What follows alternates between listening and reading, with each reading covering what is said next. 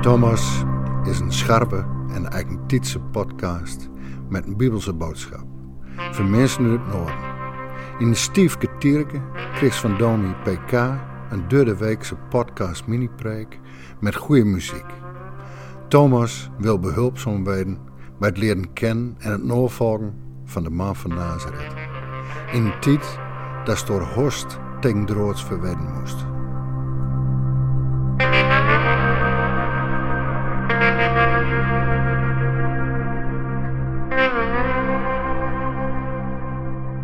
Een paar jaar geleden ben ik met een aantal jongeren naar het klooster geweest. Boven de ingang van het klooster staat een beeld van de engel Michael in gevecht met een draak. Het is de verbeelding van het verhaal uit Openbaring 12 dat je zo meteen zult horen. En het hangt niet voor niets boven de ingang van dat klooster. Het beeld wil je op de drempel namelijk en vooraf waarschuwen en tegelijk aanmoedigen. Je verwacht in een klooster rust, orde en regelmaat, maar niets is minder waar. Want wie zich in stilte terugtrekt, komt tot rust en kan zichzelf vervolgens lelijk tegenkomen. De stilte van de lange, lege kloostergangen, de kleine cel en de sobere liturgie kunnen je na verloop van tijd confronteren met diep weggestopte onzekerheid, onbekende angsten en vergeten verdriet. Tegelijk geeft het standbeeld support. Want als je goed kijkt, zie je de draak als verbeelding van het kwaad machteloos spartelen onder de voet van de engel. Deze podcast wil je net als dat beeld en waarschuwen en aanmoedigen. Het kwaad heeft invloed in de wereld en in jouw leven, maar vecht vanuit een verloren positie. Denk je in. Je staat bij de ingang van het klooster, op de drempel. Ga je mee naar binnen? Durf jij het gevecht aan met de draak?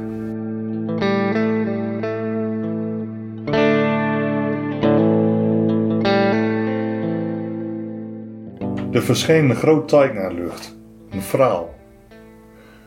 Als kleed haar zijn zon aan, Mona zonder fouten, en op kop een kroon met twaalf steens. Ze was in verwachten en ruit toe van pien dan vloek begon en kien kom wol. Daar was er nog een ander tijk naar lucht te. Een dikke, vuurrode droog met zo'n kop met tien hoorns. Op elke kop had een diadeem. Met steert veegde hij daar de paard van steens aan lucht voort en smeet ze op grond.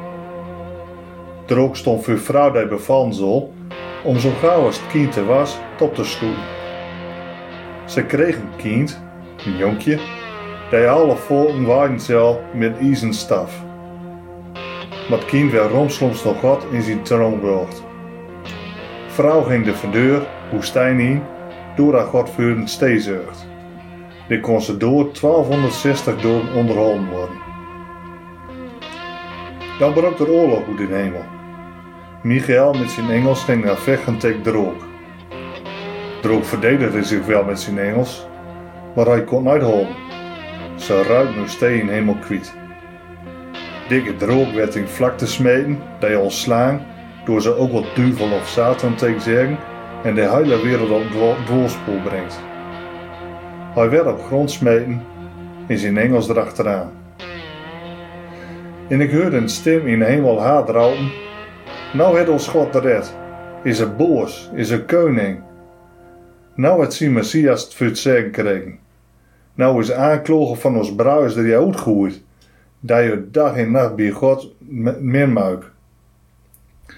Zij hebben van hem won, ontblauwd van het laam en om wat ze getuigd hebben door ze het leven de veroverd hadden. Wees door ontblied, je hemels, en dat erin touw holden. Maar o u, laan en zee, holgels is duivel ja nu je touw kom. Hij weet ja dat het nooit veel tijd meer heeft. Dat droog besefte dat er op grond smeten was, zette hij vrouw achterna dat jonkje te wereld bracht had. Maar vrouw kreeg beide vleugels van grote oren om de woestijn te vliegen naar een rijk stee. Door kreeg zij te eten, zonder dat slaagde wat een down ken. Ointijd lang, poortijden en halve tijd. Dan spijde slang wordt het te bergoed, vrouw achter nul. Zo'n stroom, net een rivier. Toen zelfs ze de voetspalt worden. Maar eerder kwam vrouw wel. Dat deed berg open en slok stroom op dat droog uitspijt daar. Droog werden al rozens op die vrouw. Hij ging voort om tegen hun nooit zo'n oorlog te voeren. Tegen lui dat zich aan God zien geboden en Jezus zien getuigenis houden.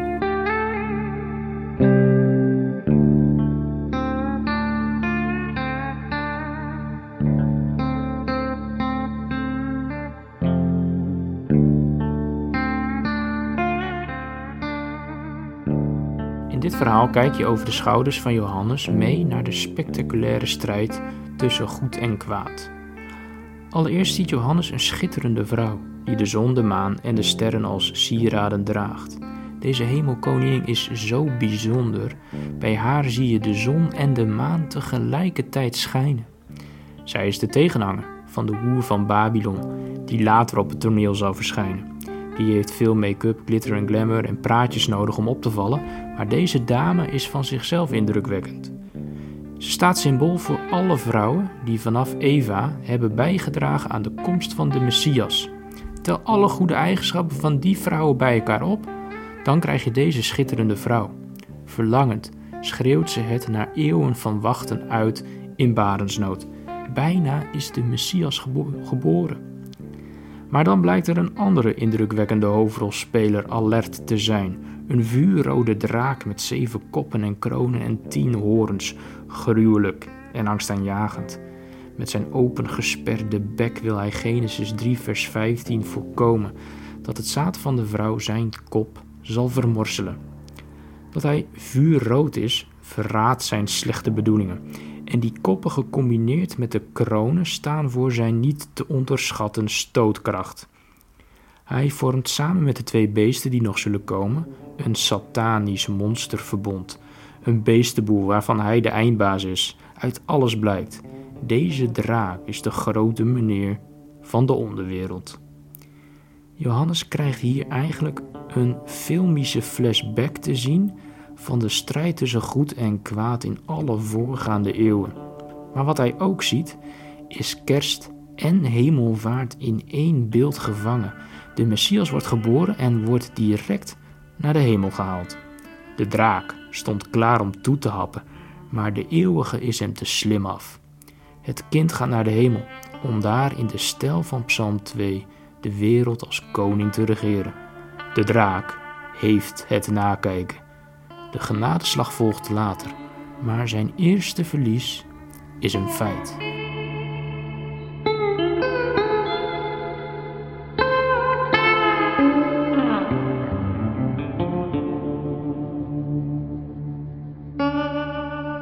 Gaat de draak nu doen nu zijn eerste verlies een feit is? Het stoom komt uit zijn grote neusgaten en zijn ogen schieten vuur. In ieder geval is hij goed pissig na deze gevoelige nederlaag. En daarom gaat de draak direct over tot plan B. En dat plan komt erop neer dat hij zijn oude hemelfunctie weer op wil pakken. En daarvoor bestormt hij de hemel. En daar wil hij ouderwets de rol van aanklager bekleden. Hij was daar eeuwenlang een dissonant in het hemelse engelenkoor en sprak kwaad over de gelovigen op aarde. Denk aan het verhaal van Job. Zo kon hij zijn duivelse spelletje van beïnvloeding en manipulatie spelen. Maar nu maakt het lam de dienst uit in de hemel. Zijn bloed spreekt alle gelovigen vrij. En daarmee is de rol van aanklager uitgespeeld. Goed geïnformeerd als de draak altijd was als grote meneer van de onderwereld, kon hij altijd wel belastend materiaal van jou of mij vinden en dat vervolgens aan de hoogste rechter voorleggen.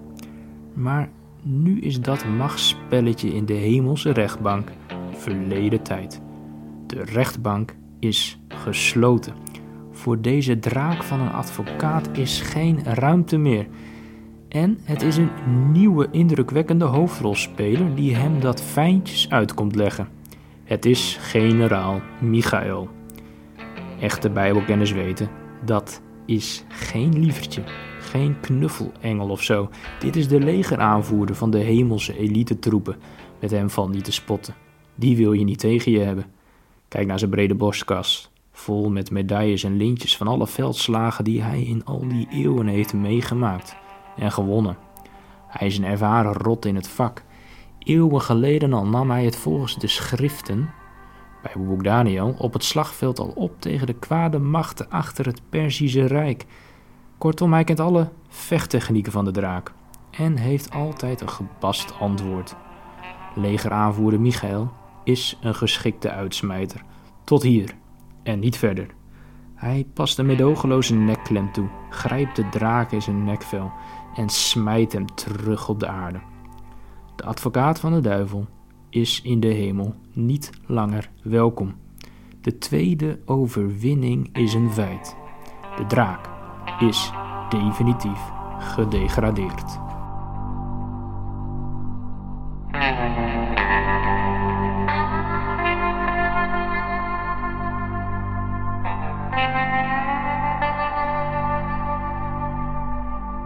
De draak likt zijn pijnlijke wonden. Zijn laatste uur heeft geslagen. Wat je nu nog te zien krijgt zijn de laatste stuittrekkingen van een dier in nood. Het is bijna zielig. Maar woest als hij is, herpakt de draak zich snel. Maar let op, zijn macht is beperkt. Kijk en lees goed. De draak is beperkt in tijd, in ruimte en in tactiek. Hij vervolgt vanuit een verloren positie. Zijn enige werkterrein is de aarde. Zijn tijd is kort en zijn enige overgebleven tactiek is verleiding. Je bent dus gewaarschuwd. De invloed van het kwaad is nog niet uitgespeeld, maar tegelijkertijd weet je tijdens de strijd al dat de overwinning binnen is. Want ook de derde aanval van de draak wordt succesvol afgeslagen. De draak wil de vrouw laten verdrinken in een wild waterbaan, maar moeder aarde schiet de hulp door het water op te slokken. Zelfs het eigen terrein van de draak werkt nu tegen hem. Hoe pijnlijk is dat? Daarmee is de derde nederlaag een feit. De vrouw en daarmee de gemeente van volgelingen van Jezus is veilig geborgen en buiten het bereik van de draak. Zij wordt net als het volk Israël, namelijk in de woestijn op adelaarsvleugels, naar een veilige plek gedragen. Zo ben je getuige van een stelvol geregisseerd visioen in drie bedrijven, drie nederlagen, met een mooie vrouw, een oerlelijke bad guy en een stoere held.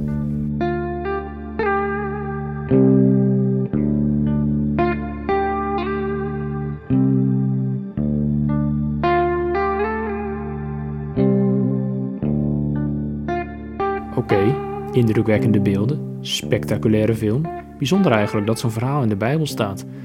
Maar wat kan je er vandaag als gelovige mee? Is, is dit niet meer iets voor liefhebbers van science fiction, Lord of the Rings of anime? Wat kan je vandaag met zo'n eeuwenoude drakenmythe?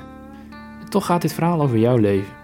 Het maakt namelijk inzichtelijk dat het kwaad in jouw leven en in de wereld nog niet is uitgespeeld, want de draak gaat namelijk op jacht naar de vrouw. Dit verhaal nodigt je waarschuwend uit om ook het kwaad in je eigen leven onder ogen te komen en Allah Michael uit je leven te verbannen. Wat ook opvalt is de plaats waar de vrouw, en dus de volgelingen van Jezus vandaag, tijdelijk verblijft totdat Christus terugkomt. Dat is de woestijn. En daarmee is de tijd tussen Jezus' vertrek en terugkomst getypeerd als een woestijntijd.